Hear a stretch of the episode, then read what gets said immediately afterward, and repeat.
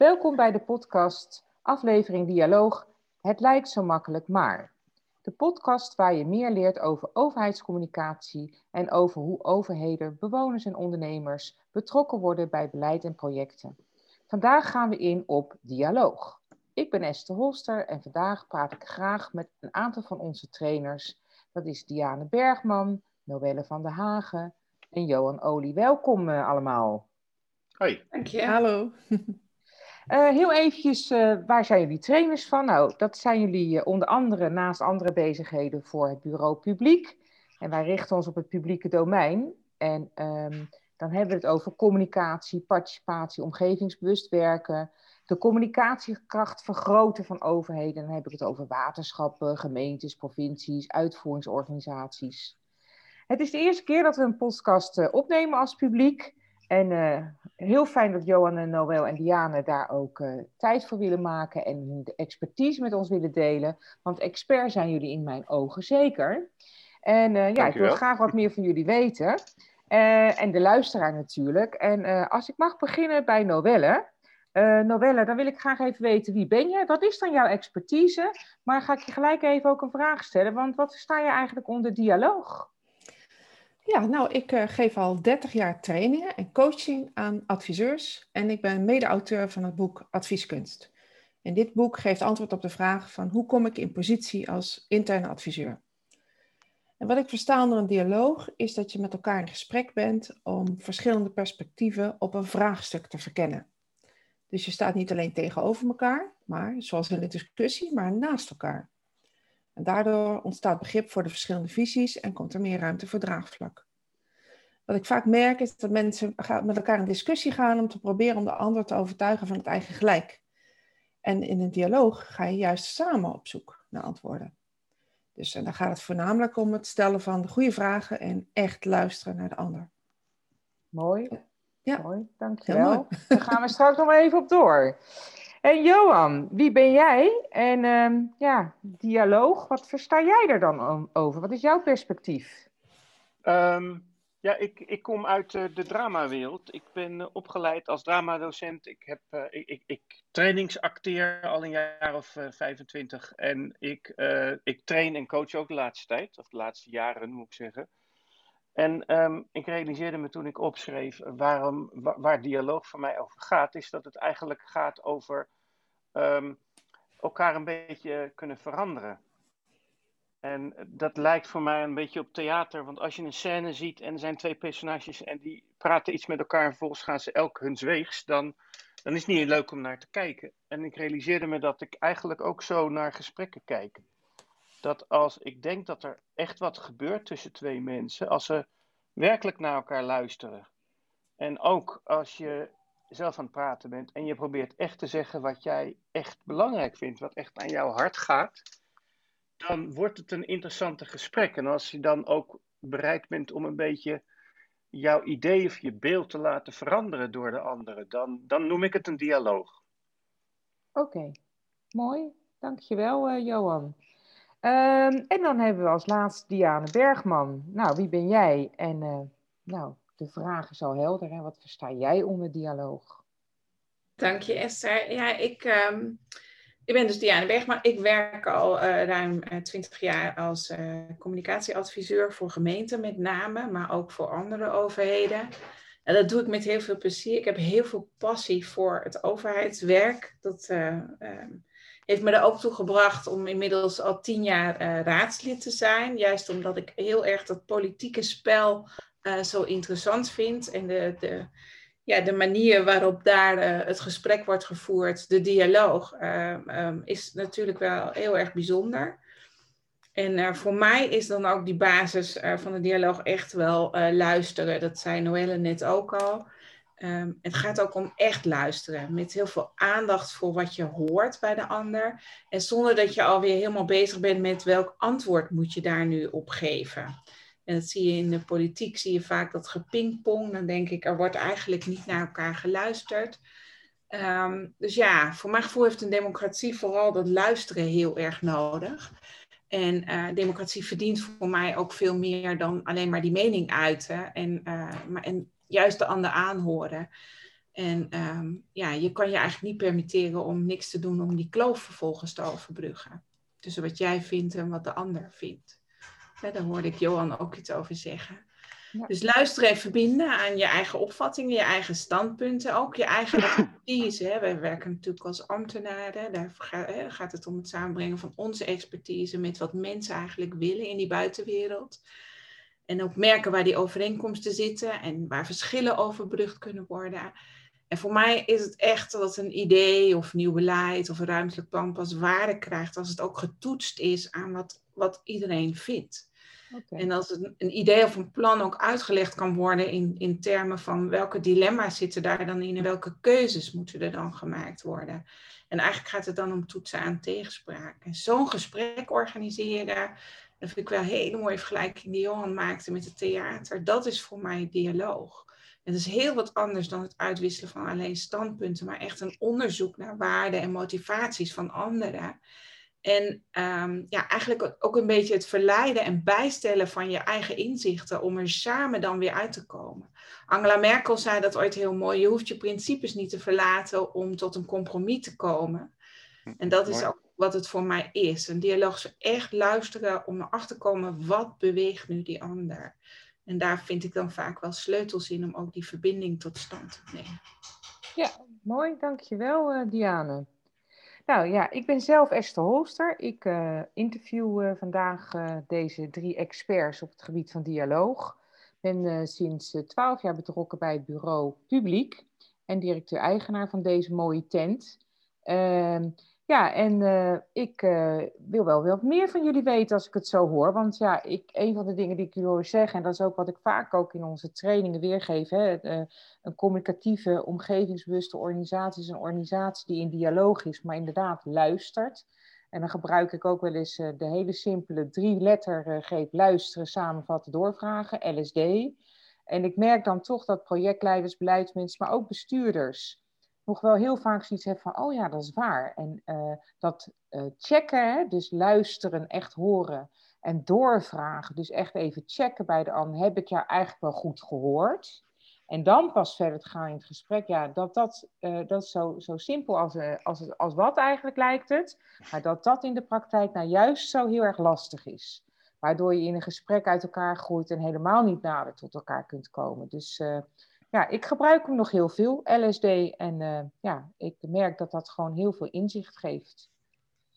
Nou, een beetje verkend wat we onder dialoog verstaan. Uh, nou wel, als jij zo uh, Johan en uh, Diane hoort, ehm, wat, vond je, wat vind jij daar dan van? Want we alleen maar mee eens zijn. Toch? Ja, ja, en dat geldt voor jullie alle drie of niet? Ja, ik, ik, ik, vind het wel mooi dat Noelle ook gebruikte om naast elkaar uh, in plaats van tegenover elkaar. Ik denk dat het ja. zelfs letterlijk uh, aan tafel heel vaak zo werkt. Hoe ga je eigenlijk bij elkaar zitten? Ja, dus, ja en uh, wat ik, wat, wat ik ook mooi vind is, ehm, waar het ook om gaat, is dat je niet alleen goed luistert, maar ook luistert met je hart. Ja. En dus, dus de ander ook echt ziet staan. En dus ja. in staat bent om iets te verwonderen over van hé, hey, die ander blijk, blijkbaar denkt hij er anders over. En uh, goh, hoe zou dat eigenlijk zitten? Kan ik daar eens even een paar vragen over stellen? In plaats van dat je meteen de loopgraven induikt en uh, gaat proberen om allerlei slimme argumenten te vinden. Ja. Ja, dus je, maakt moeilijke... verbinding met de ander. Ja, sorry. Het, het, het moet, nee, maar niet sorry, want ik ging een beetje door jou heen, geloof ik. Maar ja, dat is echt een goede dialoog. ja, goed hè. Maar het, het, het, moeilijke, het moeilijke van um, echt luisteren naar die ander. Ik heb een tijd uh, hier in Den Haag uh, de, de dag van de dialoog mede georganiseerd met een clubje heel uh, ja, zeer enthousiaste en, en, en de diep inzittende mensen, wat ik zelf toen ook dat ik was. En toen deden we op een gegeven moment als voorbereiding een oefening waarbij je al op beurten een minuut iets vertelde wat jou op dat moment op het hart lag. En um, ik merkte, en ik werkte met iemand samen, ik hoop niet dat hij luistert, maar uh, ik, ik, ik vond het moeilijk om met hem samen te werken. Uh, ook al deden we hetzelfde hele goede werk voor de dialoog in Den Haag, ik vond het moeilijk om, uh, om hem helemaal te waarderen. En toen deden we die oefening en toen was ik aan de beurt met die minuten, toen had ik gepraat en daarna was hij. En ik merkte dat fysiek, dat elke zin die hij maakte, dat ik die eigenlijk van binnen al aan het afmaken was.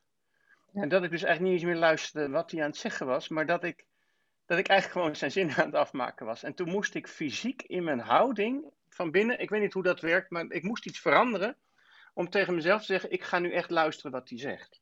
Dus je bent hartstikke gemotiveerd om het te doen en toch is het hartstikke moeilijk. Ja. ja. Maar het is ook lastig, want als je luistert naar een ander, luister je ook altijd met je eigen bril. Hè?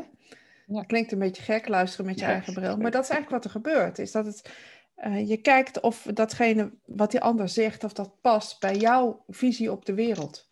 Ja. En als dat niet past, dan uh, zit er meteen een soort afkeuring in of een morele verontwaardiging. Van nou, dat is ook gek dat hij dat denkt. Of daar ben ik het helemaal niet mee eens. In plaats van dat je gewoon luistert, ja, maar wat zegt hij nou eigenlijk? En wat en vindt die ander nou echt belangrijk? En dat vervolgens ook goed te onderzoeken van, van wat, wat, wat zegt hij nou werkelijk en welke motivatie zit, zit daar nou werkelijk in.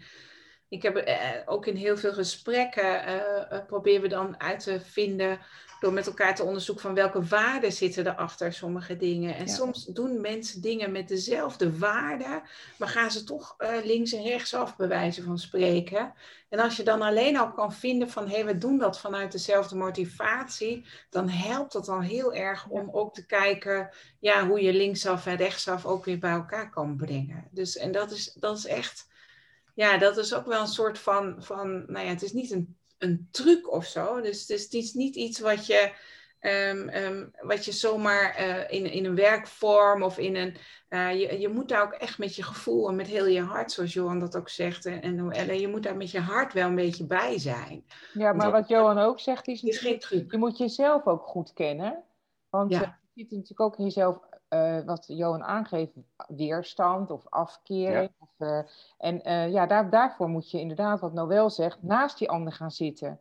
Hè? Want dan kan je ook wat meer vanuit een ander perspectief zien waarom die dat doet. Want ja, dan kom je tot een ander gesprek. Ja, ja mooi, mooi. Hey, um, even een ander iets. Want um, een van de dingen die ik altijd aangeef is van, ja als je uh, als organisatie, hè, overheidsinstelling, want daar, daar zijn we vooral als publiek natuurlijk mee bezig, uh, uh, goed omgevingsbewust wil werken, de communicatiekracht van de organisatie wilt vergroten, dan richten we ons heel vaak op die externe omgeving. Maar mijn mening is, kijk, je eigen interne communicatie moet eerst op orde zijn. Hè, als dat niet zo is, dan merkt de externe omgeving dat ook, die heeft daar last van. En uh, Johan, jij werkt ook heel veel met uh, mensen die in contact staan met die externe omgeving. En hoe zie jij dat dan? Als ik zeg, nou, de interne communicatie moet op orde zijn, want anders gaat het extern eigenlijk ook fout. Ja, nou ja, om, om, om, om daar een voorbeeld van te geven. Mensen, mensen hebben vaak veel meer moeite met mensen intern, de collega's naast zich of net boven zich of onder zich, die niet die, die voor hun gevoel eigenlijk niet leveren wat ze nodig hebben of uh, het overleg aangaan waar zij dat nodig hebben. Eigenlijk hebben mensen daar vaak nog veel meer last van dan van de, de inwoners, de burgers, degene zeg maar, voor wie ze het werk doen. Omdat ze misschien ook wel meer verwachten van elkaar. En, um, en ze voelen zich vaak ook echt wel in de steek gelaten. En dat gaat twee kanten op hoor. Want ik heb met, met, met leidinggevenden gewerkt die het dan heel moeilijk vinden om bijvoorbeeld in een waterschap de mensen buiten op te zoeken. Want dan denken ze, hebben ze plek in de agenda een uurtje. En dan gaan ze helemaal naar buiten, naar die locatie bij het water. En dan hopen ze daar een paar mensen te treffen. Treffen ze er één of twee. En die anderen zijn weer ergens anders. En dan hebben die iets van, ja, nu, nu besteed ik een uur en dan zie ik er maar één. En dan denken ze, ja, is dat dan wel zinvol? Terwijl die, die mensen die daar dan buiten lopen, die denken, ja, maar waarom komt die man niet gewoon? Ja. En die, die, die, die vinden zelfs als hij dan maar één persoon ziet, vinden ze dat wel waardevol. En dat vertellen ze wel aan elkaar. Maar dat is heel moeilijk om elkaar op te zoeken en elkaar te vertrouwen. Het heeft ook te maken met aandacht, hè? Echt oprecht aandacht voelen, dat je aandacht krijgt van de ander. Ja. Dus ook oprecht aandacht geeft aan de ander. En dat je dat dus dan belangrijk vindt. Ja. Maar Johan, dus wat ik ook wel weet uit de casuïstiek van waterschappen, maar ook gemeentes uh, en, en, en provincies is dat uh, uh, de mensen die uh, wat meer in contact staan met de externe omgeving of veel meer buiten werken of bij een KCC werken, ja, heel, vaak, heel veel signaleren. Hè? Die zijn de ogen en de oren van een organisatie, zeg ik altijd. En volgens mij, Jan, hebben wij ook wel samen meegemaakt dat dan deelnemers aan training of zo, of aan workshops, zeggen van, ja, maar ik breng het wel naar binnen, maar ze horen me niet. Nee. Hoe zit dat, Johan? Heb je, want jij, Ja, jij doet dat, dat? vaak. Ja. Het is niet zo'n heel eenvoudig, het is niet zo'n eenvoudig antwoord. Ik, ik, ik, dat is inderdaad wat, eh, wat, wat er gevoeld wordt. Eh, kloof, het woord kloof wordt heel vaak gebruikt, of eilanden. Corona versterkt dat een beetje nog. Eh, mensen zien elkaar minder regelmatig, lopen minder bij elkaar langs. Ik vind het nog niet zo makkelijk. Ehm, behalve dat, wat ik weet is, als je echt bij elkaar gaat zitten, of dat nou eh, een Zoom is of, of aan tafel, als je echt bij elkaar gaat zitten en je gaat echt vragen stellen aan elkaar en ook naar hoe voelt dat dan als jij die informatie niet op tijd krijgt? Of dat je uit jezelf zegt van joh, als ik die informatie niet krijg, dan sta ik voor joker als ik met die, eh, die inwoner in gesprek ben. Als je dat soort ehm, lading van jouw informatiebehoefte, als je die niet vertelt of daar niet naar zoekt, dan hoor je elkaar wel, maar dan snap je het niet. Oké. En Diane, hoe zie jij dat? Want jij hebt daar natuurlijk ook eh, veel in mee te maken eh, als je bij overheden interim werkt bijvoorbeeld. Ja, ik, ik, ik merk al voor ja. die, die verbinding met buiten, die is ontzettend belangrijk. En die mensen op de werkvloer, die hebben echt een schat aan ervaring, eh, eh, veel meer dan wij ooit zullen hebben, omdat ze gewoon ook simpelweg meer die contacten hebben. Ik moest eh, eh, heel erg denken aan, toen Johan dat aan het vertellen was, dacht ik van, oh ja, ik heb een keer een project gedaan eh, ergens. En dan gingen we kijken naar de klachten die binnenkwamen over de openbare ruimte. Schriftelijke klachten die per mail werden ingediend.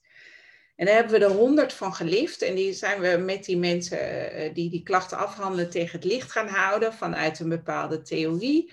En daar hebben we over nagedacht van, nou, je hebt eigenlijk doeners en denkers. Zo in die verdeling hadden we dat gedaan. Hebben we een, een doe-antwoord en een denkantwoord gemaakt. En die twee alinea's zijn we gaan afwisselen. Dus iedereen kreeg hetzelfde antwoord, maar de een kreeg eerst het een en de ander eerst de ander. En dat leidde uiteindelijk tot 20% minder herhaalverkeer.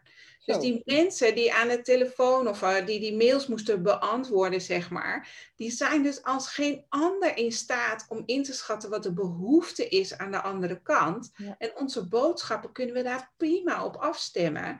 En doordat zij dat deden, maar ja, dan, dan merk je vaak wel weer, ehm, dan komt er weer zo'n afdeling die denkt, oh nee, er moet een standaard boodschap komen. En dan denk ik, Nee, nee. geen standaard boodschap. Dus ah, laat, laat, ze, laat ze dat doorvoelen. Laat ze die afwisseling in dat doen en dat denken eh, maken. En, en laat ze gewoon. En dat zijn dan nog maar. Hè, dat zijn dan twee verschillende alinea's. We hebben het echt over tien regels bij elkaar.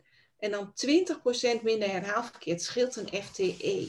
En dan denk ik, ja, als je het ook hebt over de opbrengst van communicatie, hoe eenvoudig of het nog kan zijn, daar, Ja. daar zit hij dan voor mij. Ja. Ja, dat intern goed afstemmen en heel goed dat, dat oor ook buiten hebben en daarop aansluiten.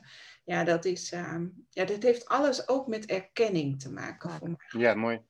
En, en luisteren naar elkaar, de Noelle verbindt daar ook aan, doe dat met je hart, maar erken ook waar die anders vandaan komt. Ja. Wat de behoefte is bij, de, bij, de, bij, de, ja, bij, de, bij degene met wie je Ja. de dialoog, met wie je het gesprek aangaat.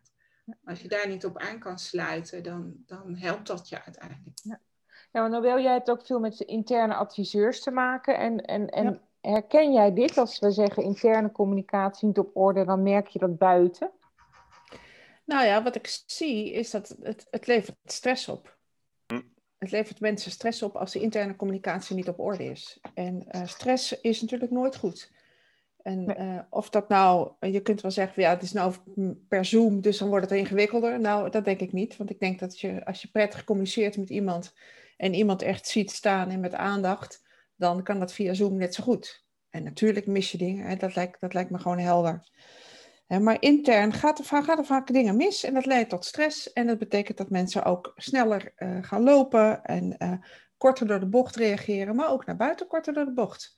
En bovendien is het ook niet echt een goed voorbeeld. Het is natuurlijk heel gek, hè? Dat je wil dat er extern goed gecommuniceerd wordt en intern rammelt het. Hè, dit is natuurlijk, ja. Ja. Het moet aan Je alle voelt je kanten kloppen, hè? je als, je alsof je, zoals Ja. je kinderen opvoedt, hè? Als je kinderen opvoedt in een autoritaire omgeving, dan kun je niet van ze verwachten dat ze buiten gaan luisteren. Toch? Nee. Wat, wat leer je je medewerkers op het moment dat het intern rammelt? Ja. En dus die aandacht is, en het is voor iedereen goed om die aandacht te krijgen en dat gesprek te voeren. En je zelf, het leidt ook tot betere kwaliteit, hè? dus ook tot beter beleid, betere projecten, ja. uh, betere uitvoering. Uh, als we ook nou, en het scheelt ook heel veel tijd. Ja. Als je echt even iets meer tijd stopt in luisteren naar van wat wil die ander nou eigenlijk, in plaats van meteen te gaan lopen of uh, in, in gedoe te, te, verzanden, eigenlijk wat jij ook al zei, Johan, hè, ja. dan, dan, dan is het in één keer klaar. Dan is het ook gewoon opgelost. En dan heb je ook geen herhaalklachten. Ja, en dat kennen natuurlijk allemaal. Als je ergens een klacht hebt en je wordt niet gehoord, dan word je alleen maar bozer. En voor je het weet, uh, nou ja, krijgen ze maar één bol op TripAdvisor of weet ik het. He, dus het, het, gehoord willen worden. Ja, of ze horen dan na zes weken een keer van... Uh, oh, we begrijpen dat u het vervelend uh, vindt. Ja, na zes weken. De, ja, ja, ja. ja. nou ja, kijk, en, en, en, en het is natuurlijk ook zo dat, uh, dat, dat uh, geven wij ook aan, hè, goede preparatie voorkomt reparatie. En dat heeft hier ook mee te maken dat je intern eerst een goede dialoog hebt gevoerd voordat je naar buiten gaat. En dat je daarmee dan ook met een eenduidig, wel overwogen uh, aanpak of verhaal komt. Ja. Dat gaat eigenlijk even naar mijn volgende punt, want dat gaat ook over preparatie en reparatie. Want uh, ja, ik heb zelf ook uh, jaren als communicatieadviseur bij verschillende gemeentes en waterschap gewerkt, net als Diane. En uh, ik ging altijd, ehm, ja, ik had mijn agenda vol, elk uur stond volgepland, van één afspraak in de ander. Ik ben redelijk communicatief, dus ik redde me altijd wel uit die gesprekken. Maar ik rende eigenlijk van het ene naar het andere. En, ehm, eh, en die gesprekken liepen best wel goed, maar ik heb niet het idee dat ik er nou altijd uithaalde wat erin zat. En op een gegeven moment ben ik mijn gesprekken gaan voorbereiden. En uh, toen had ik opeens veel kortere gesprekken, ten eerste. En het leverde ook, ik had ook voor mezelf altijd het doel, ik ga niet de deur uit voordat ik dit en dit, hè, dat dat op tafel komt. En dat werkt als een tierenlier. Um, ja, wat, wat, wat, wat hebben jullie daar voor beeld bij, bij uh, een goed gesprek? En ik nou, mag ik jou een terugvraag stellen, Esther? Ja?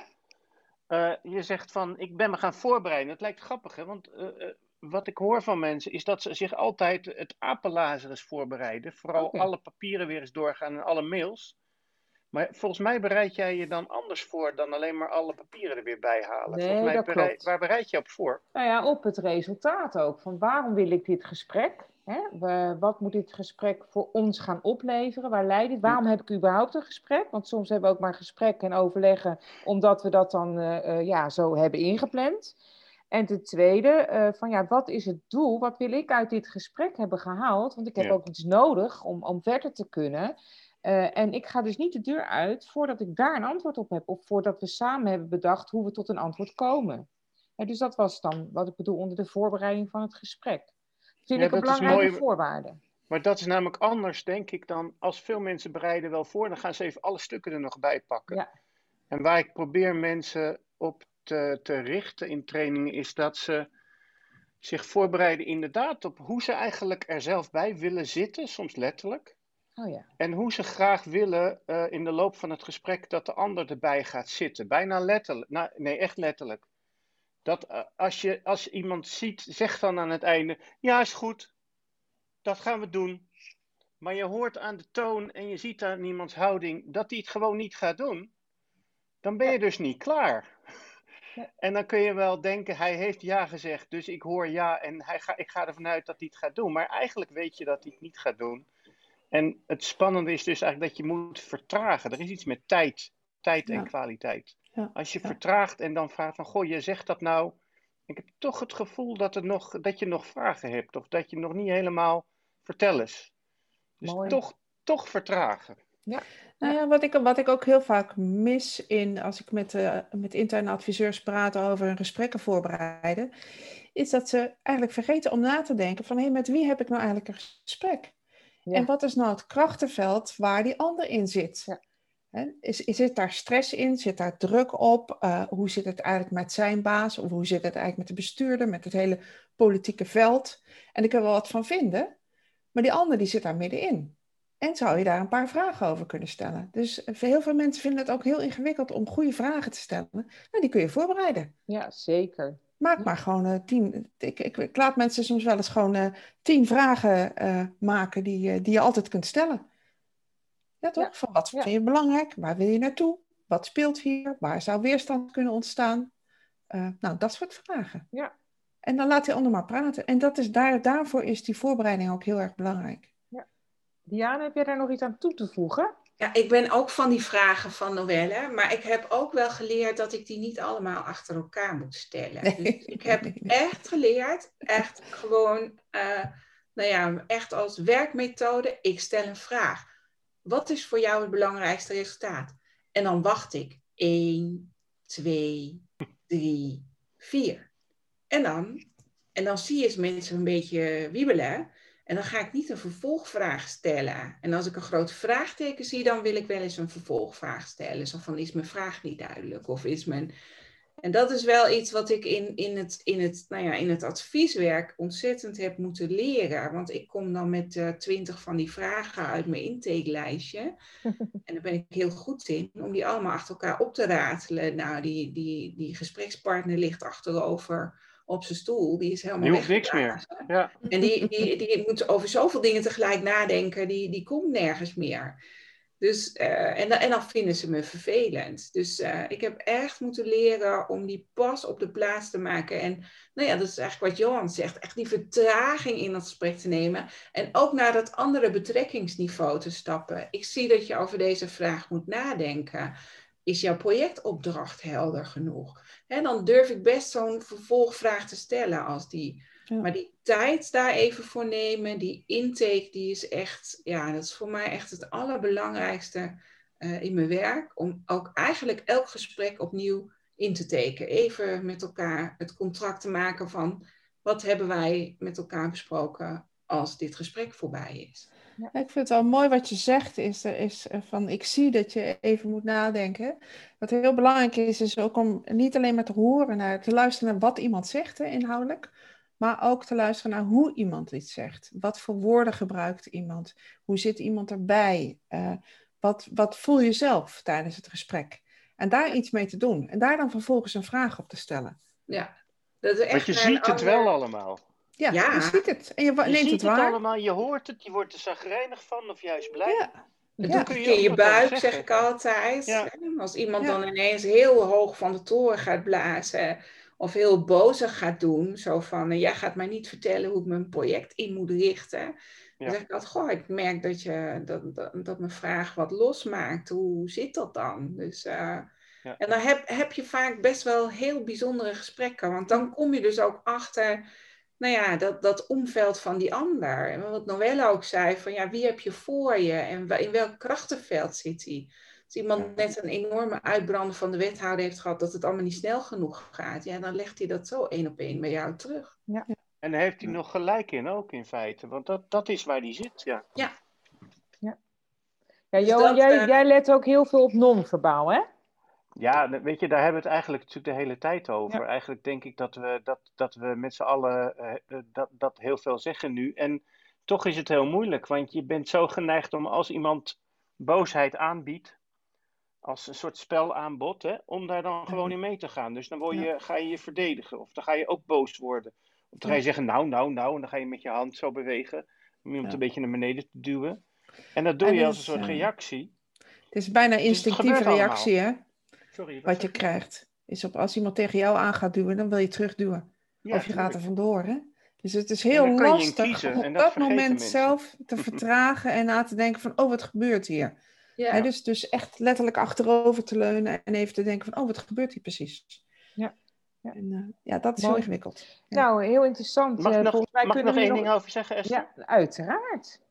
Nou, ik denk dat we soms onszelf te slim vinden. En dat we te veel moeite hebben om te zeggen dat we iets niet snappen wat iemand zegt. Ja. En dat, dat je dus eigenlijk niet alleen in, in tempo zou moeten verlagen, maar ook in status. Dat je, dat je jezelf niet al te slim moet vinden. En dat als je iets niet snapt, gewoon moet zeggen: Goh, ik snap het niet. Ja. En dat menend eh, eerlijk te zeggen. Dus enorm kwetsbaarheid ook, hè? Ja. Dat is ook belangrijk. Ja, ja zeker. En eh, dat, eh, dat, is, dat, dat verrijkt alleen maar. En je ziet ook dat leiderschap heeft ook met kwetsbaarheid te maken. En een Mhm. leiderschap van je gesprek heeft daar dan ook weer mee te maken. Ja, nou we kunnen hier volgens mij over dit onderwerp nog uren doorpraten. Maar ik wilde eigenlijk nog twee andere uh, vragen met elkaar bespreken. Um, want um, uh, waar ik ook een beetje van ben, is van de driehoek inhoud, relatie, proces. Nou, daar zijn jullie ook van volgens mij. Hè? Dus we, we, willen goed informeren, we willen een goed gesprek. Maar dan moeten we oog hebben voor de relatie. Nou, daar hebben we het net ook over gehad. Hè? Hoe sta je in verbinding? Wat is er nog nodig om die verbinding überhaupt te hebben, voordat er überhaupt inhoud over kan komen op een ander? Um, en we hebben wel heel vaak wat ik merk in de praktijk is dat het vaak om goede inhoud gaat. Terwijl, ja, soms heb je niet zoveel inhoud, maar gaat het gesprek over proces. En dat vinden we dan heel erg lastig als uh, uh, gemiddelde projectleider of beleidsadviseur bij een overheid. Van hoe voer ik dan een goed gesprek op proces? Want ik heb dan niet zoveel inhoud te brengen. Diane, heb jij daar een uh, beeld bij? Kun je daar iets over vertellen? Ja, wat voor mij altijd helpt is heel erg focus houden op wat je eigenlijk nu, uh, zeker bij de overheid, maatschappelijk wil bereiken. Hè? Welke, welke, aan welke maatschappelijke opgave werken we dan? En um, uh, het proces moet wel daartoe, daartoe leiden. En um, nou ja, ik, ik hoor wel van projectleiders heel vaak terug van ja, wij moeten die participatie en die communicatie daar ook maar allemaal bij doen. En dan duurt het allemaal drie keer langer. En ik zeg dan altijd, ja, drie keer maar. En dan, dan beginnen ze ook allemaal een beetje, en net als jullie nu, een beetje te lachen. En, uh, want ik denk dan altijd van, ja, je bent helemaal niet drie wipkippen en een basketbalring op een plein aan het planten. Je bent uh, bezig met de verhoudingen van de mensen die daar wonen. En die moeten met elkaar over die wipkippen en die basketbalring goede afspraken kunnen maken. En uh, ja, die oudere mevrouw die moet gewoon tegen uh, Ahmed en Jan die daar aan het spelen zijn kunnen zeggen... jongens, uh, het is tien uur, ik ga zo mijn mandje in. Willen jullie in ieder geval de muziek even uitdoen als jullie nog gaan basketballen? Dat moet dan gewoon kunnen. En, en, en en ja, Ahmed en Jan moeten dat dan ook kunnen begrijpen. Net zoals de moeder van die jonge kinderen s ochtends bij de wipkip zegt, nou niet zo luid jongens, want uh, uh, Ahmed en Jan liggen nog te slapen. Die zijn pubers, die slapen uit. En dat mensen dat van elkaar begrijpen en daarover het gesprek met elkaar kunnen aangaan. Dat ben je aan het maken als je het over wipkippen en basketbalringen ja. plaatst hebt. Ja. Maar dat... dat gesprek over proces is wel lastig. Ja, dat is zeker lastig, maar toch als je echt goed in de gaten houdt waar je nou mee voor aan het werk bent, dan, um, dan ontvouwt zich dat ook wat makkelijker. En dan kan je veel beter, het is een driehoek, dus alle, alle uh, onderdelen hebben raakvlakken met elkaar. Dan, dan hoef je dat ook niet zo heel strikt te scheiden. En soms is het heel handig om dat wel even te doen om alles weer helder te krijgen. En soms is het ook goed om dat weer gewoon bij elkaar te brengen. Waar werken we nu eigenlijk aan? En dan is dat niet um, nou ja, de, het fysieke resultaat, dat wat je echt beet kan pakken, maar wat is er dan in de maatschappij, in de samenleving, in die kleine omgeving? Uh, wat is daar dan anders? En, en als je daar de focus op houdt, ja, dan is mijn ervaring, dan wordt het wel wat makkelijker. Ook soms complexer, dus dan helpt het weer als je het uit elkaar en weer bij elkaar kan brengen. Maar het wordt wel makkelijker als je, als je goed uh, voor ogen hebt wat je eigenlijk aan het realiseren bent. Oké. Okay. Nou wel, hoe zie jij dat? Ik heb eigenlijk niet zo heel veel op aan te vullen. Nee. Ik vind het heel mooi verwoord uh, ja. van, ja. Uh, van Diane. Ja. Dus ja. Dank je. Oké. Okay. En jij, Johan, heb jij er nog iets op aan te vullen? Ja, ik, ik, ik uh, ben even verrast omdat ik denk van ja, verrek, um, die langere lijn naar, naar dat langere proces, wat inderdaad minder grijpbaar is, dat, uh, die, die maak ik van mijzelf minder. Wat maakt dat ik in trainingen vaak dicht bij de mensen zit die, uh, die denkt van ja, maar wat moeten we nou weer? En dus, en, en, het is denk ik ook heel goed juist om, die, om mensen toch te verleiden om ook die lange lijn te zien. Waar, waar deed je het eigenlijk ook weer voor en waar zijn we op dit punt eigenlijk echt naartoe aan het richten. Dus dat is mooi, dat, uh, die neem ik mee. Oké, okay. nou heb jij er ook weer wat van geleerd. Ja, dankjewel. Ja. ik voel me veranderd. nee, maar serieus, ik vind dat, dat is eentje die je niet, ja. niet automatisch pakt. Oké. Okay. Hey, ik heb een laatste vraag. En dat is een beetje meer een soort, uh, ja, hoe zeg dat? Een uh, beetje van, jullie komen op allerlei plekken, jullie hebben veel ervaring, veel gehoord. Um, en um, ja, als het over de onderwerpen waar we het over gehad hebben, en de grote lijn is natuurlijk dialoog, heb je dan nog een leuk voorbeeld uit de praktijk met ons te delen? Wie? Nou, het grappige is, is als ik uh, intakegesprekken voer met mensen die, uh, die bij mij in een training komen of in een intervisie, dan zijn de, is de casuïstiek gaat eigenlijk in 9 van de 10 gevallen over uh, hoe ga ik om met die ene lastige meneer of mevrouw. En het, het, het, bedoel, daar, daar zijn allerlei soorten situaties bij te bedenken, maar dat is eigenlijk degene die steeds terugkomt. Ja. En de kunst is natuurlijk is dat je afvraagt van ja, maar waarom is die ander dan zo lastig? En, en wie bepaalt, jij bepaalt dat die ander lastig is. Ik zeg altijd voor de grap van ja, waarschijnlijk ben jij ook al casus in de training van die ander. Want misschien vindt die ander jou ook wel lastig. En dus, dus dat is al een eerste stap, is even bij jezelf na te denken van hé, maar wat is dat nou precies? Waar raakt dat nou wat die ander doet bij mij? En dat zit vaak op het niveau van waarden, overtuigingen, hè? dus de manier waarop je naar de wereld kijkt. En uh, ja, weet je, en wat je dan gaat doen, uh, dan komen ze bij mij in de training en dan vragen ze, help mij om die ander beter te overtuigen. Ja, en dat is het niet. Dus, dus eigenlijk is, is, is daar ook weer het antwoord van, ja, kun je die ander zien?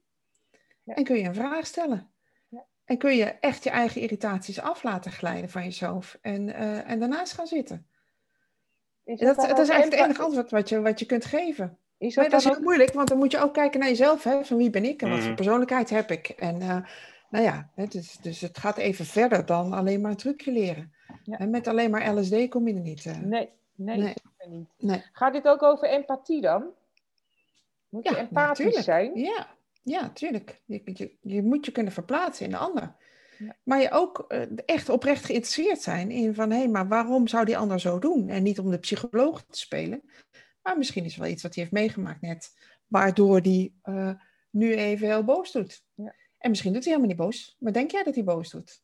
Ja, ook dat nog. Hè? Eerst jou, uh, is het jouw perceptie. Dus dat ja. kan ook nog, hè? Ja. En dat is natuurlijk wat ik, wat, wat ik in intervisie heel veel zie, is dat je helemaal gaat, gaat afpellen van ja, maar wat is, wat, wat is er nou echt aan de hand? Ja, mooi. Ja. Jaan, heb jij nog een leuk voorbeeld? Ja, ik, ik zat naar te luisteren. Ik heb natuurlijk al uh, twee voorbeelden uh, gegeven, ja. maar ik ben ook raadslid. Dus uh, dat vind ik altijd wel leuk om, om, dat, om daar ook vanuit dat perspectief nog wel te kijken. En um, ik ben dat in het altijd mooie Lelystad, zal ik er maar bij vertellen. Maar hier krijgen we dan eerst een, een voorstel voorgelegd, bijvoorbeeld voor de omgevingsvisie. En daar waren vier richtingen en vier kernonderdelen hebben we vastgesteld in, in een proces. En 34 uh, uh, punten die daarbij zaten. En nu krijg ik de omgevingsvisie en dan zie ik daar gewoon helemaal niks van terug. En ik, ik word dan een beetje, ik denk dan van potverdorie, ik ben nog in de stand van oké, ik pak nog even die geschiedenis erbij. En, en, en nou ja, ergens, en, en daarom denk ik, we hadden het net over proces. Dus ik dacht van, uh, ik hoorde Noelle ook zeggen, ik ben, het echt, ik ben het ook echt helemaal eens met wat zij vertelt. Maar bedenk ook goed, jij groeit verder in het proces. En waar staat die ander nog? Dus um, in, in, de voor, eh, in het voorbeeld wat ik nu geef, dat ik als raadslid niks terugzie van wat ik eerder heb besloten. Ja, dan, dan moet je ook niet vreemd vinden als raadsleden daar dan over struikelen of over vallen. En dat doen, doen bewoners, die doen dat ook. Die krijgen op een gegeven moment te maken met, ze hebben input gegeven, ze weten waar die basketbalring en die wipkip moeten komen.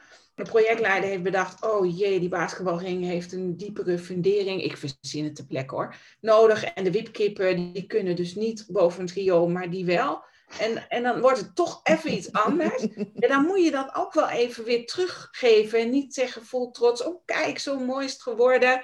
En dan zijn die bewoners nog van, ja, maar de wipkeepers zouden toch daar in de basketbalring hier. Dan moet je mensen ook wel weer meenemen in het proces. Ja. En ook vooral voor bestuur, denk ik, ja, soms zijn de lijnen heel lang.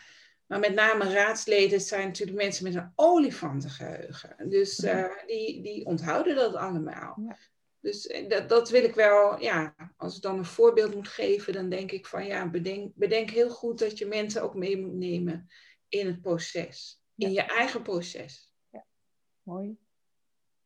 En dan Johan, had jij nog een voorbeeld? Ja, ik, ik sluit nog een beetje aan op, uh, op Noelle's uh, voorbeeld van iemand die een intervisie tegenkomt en die last van iemand anders heeft en eigenlijk ook een beetje naar zichzelf moet kijken. Ik vind het eigenlijk het leukste als, als die twee mensen, dus degene van wie die last heeft en die persoon zelf, allebei in die training zitten. En als ik dat meemaak, ik heb een keer meegemaakt, het ging over uh, grote, een gemeente waar grote evenementen waren. Er, was, er waren, zaten twee mensen. De ene was iemand van van de uh, nieuwe initiatieven en innovatie. En die was ongelooflijk blij met die hele grote evenementen. Want er kwamen allemaal nieuwe mensen naar, naar de gemeente toe. En dat was nieuw en leuk en, en beweging en toekomst. En toen zag ik iemand anders in de training. En die was van, die was van handhaving. Die zag ik helemaal betrekken. Want er waren namelijk hele strakke afspraken gemaakt dat evenementen alleen maar tot zo en zo groot en voor de bewoners van de gemeente zelf zouden zijn. En hier kwam iedereen uit de hele provincie naartoe. Mhm. Dus datgene waar die ene zo ontzettend blij over was, dat vond die ander vreselijk. En eigenlijk konden die twee, die keken elkaar ook niet aan toen ze erover praten. Ja, en het leuke is, dan probeer ik zo'n driehoekje te vormen. En dan mogen ze tegen mij, en dan zeg ik tegen die ander, dan moet je even alleen luisteren. En die ene moet dan weer naar die ander luisteren. En naar elkaar deden ze dat dus gewoon niet. En kan ik er dan tussenuit stappen en hun tweeën weer naar elkaar laten luisteren? Want het is, dat, dat mooie evenement is voor die ene prachtig en voor de andere een ramp. Ja. En hoe kun, je, hoe kun je die visies. Stel dat die twee met elkaar moeten gaan overleggen over de regels voor dat evenement. Dat wordt uh, heel spannend. Dus ik wens ze toe dat ze inderdaad zowel proberen naar zichzelf te luisteren en te vertellen. Waarom, waarom, waarom word ik nou zo boos als ik dit hoor over dit ene evenement? Waar, wat raakt mij nou zo in dat we dit met de gemeente hebben afgesproken, dat we dit voor de inwoners doen? En die ander, waarom raakt mij dat zo dat er iets nieuws gebeurt en dat we iets moois aan het maken zijn? En dat ze dat van elkaar kunnen horen. Dat is zowel wat ik ze toewens, als dat ik weet, zoals Novelle zegt, dat het heel erg moeilijk is.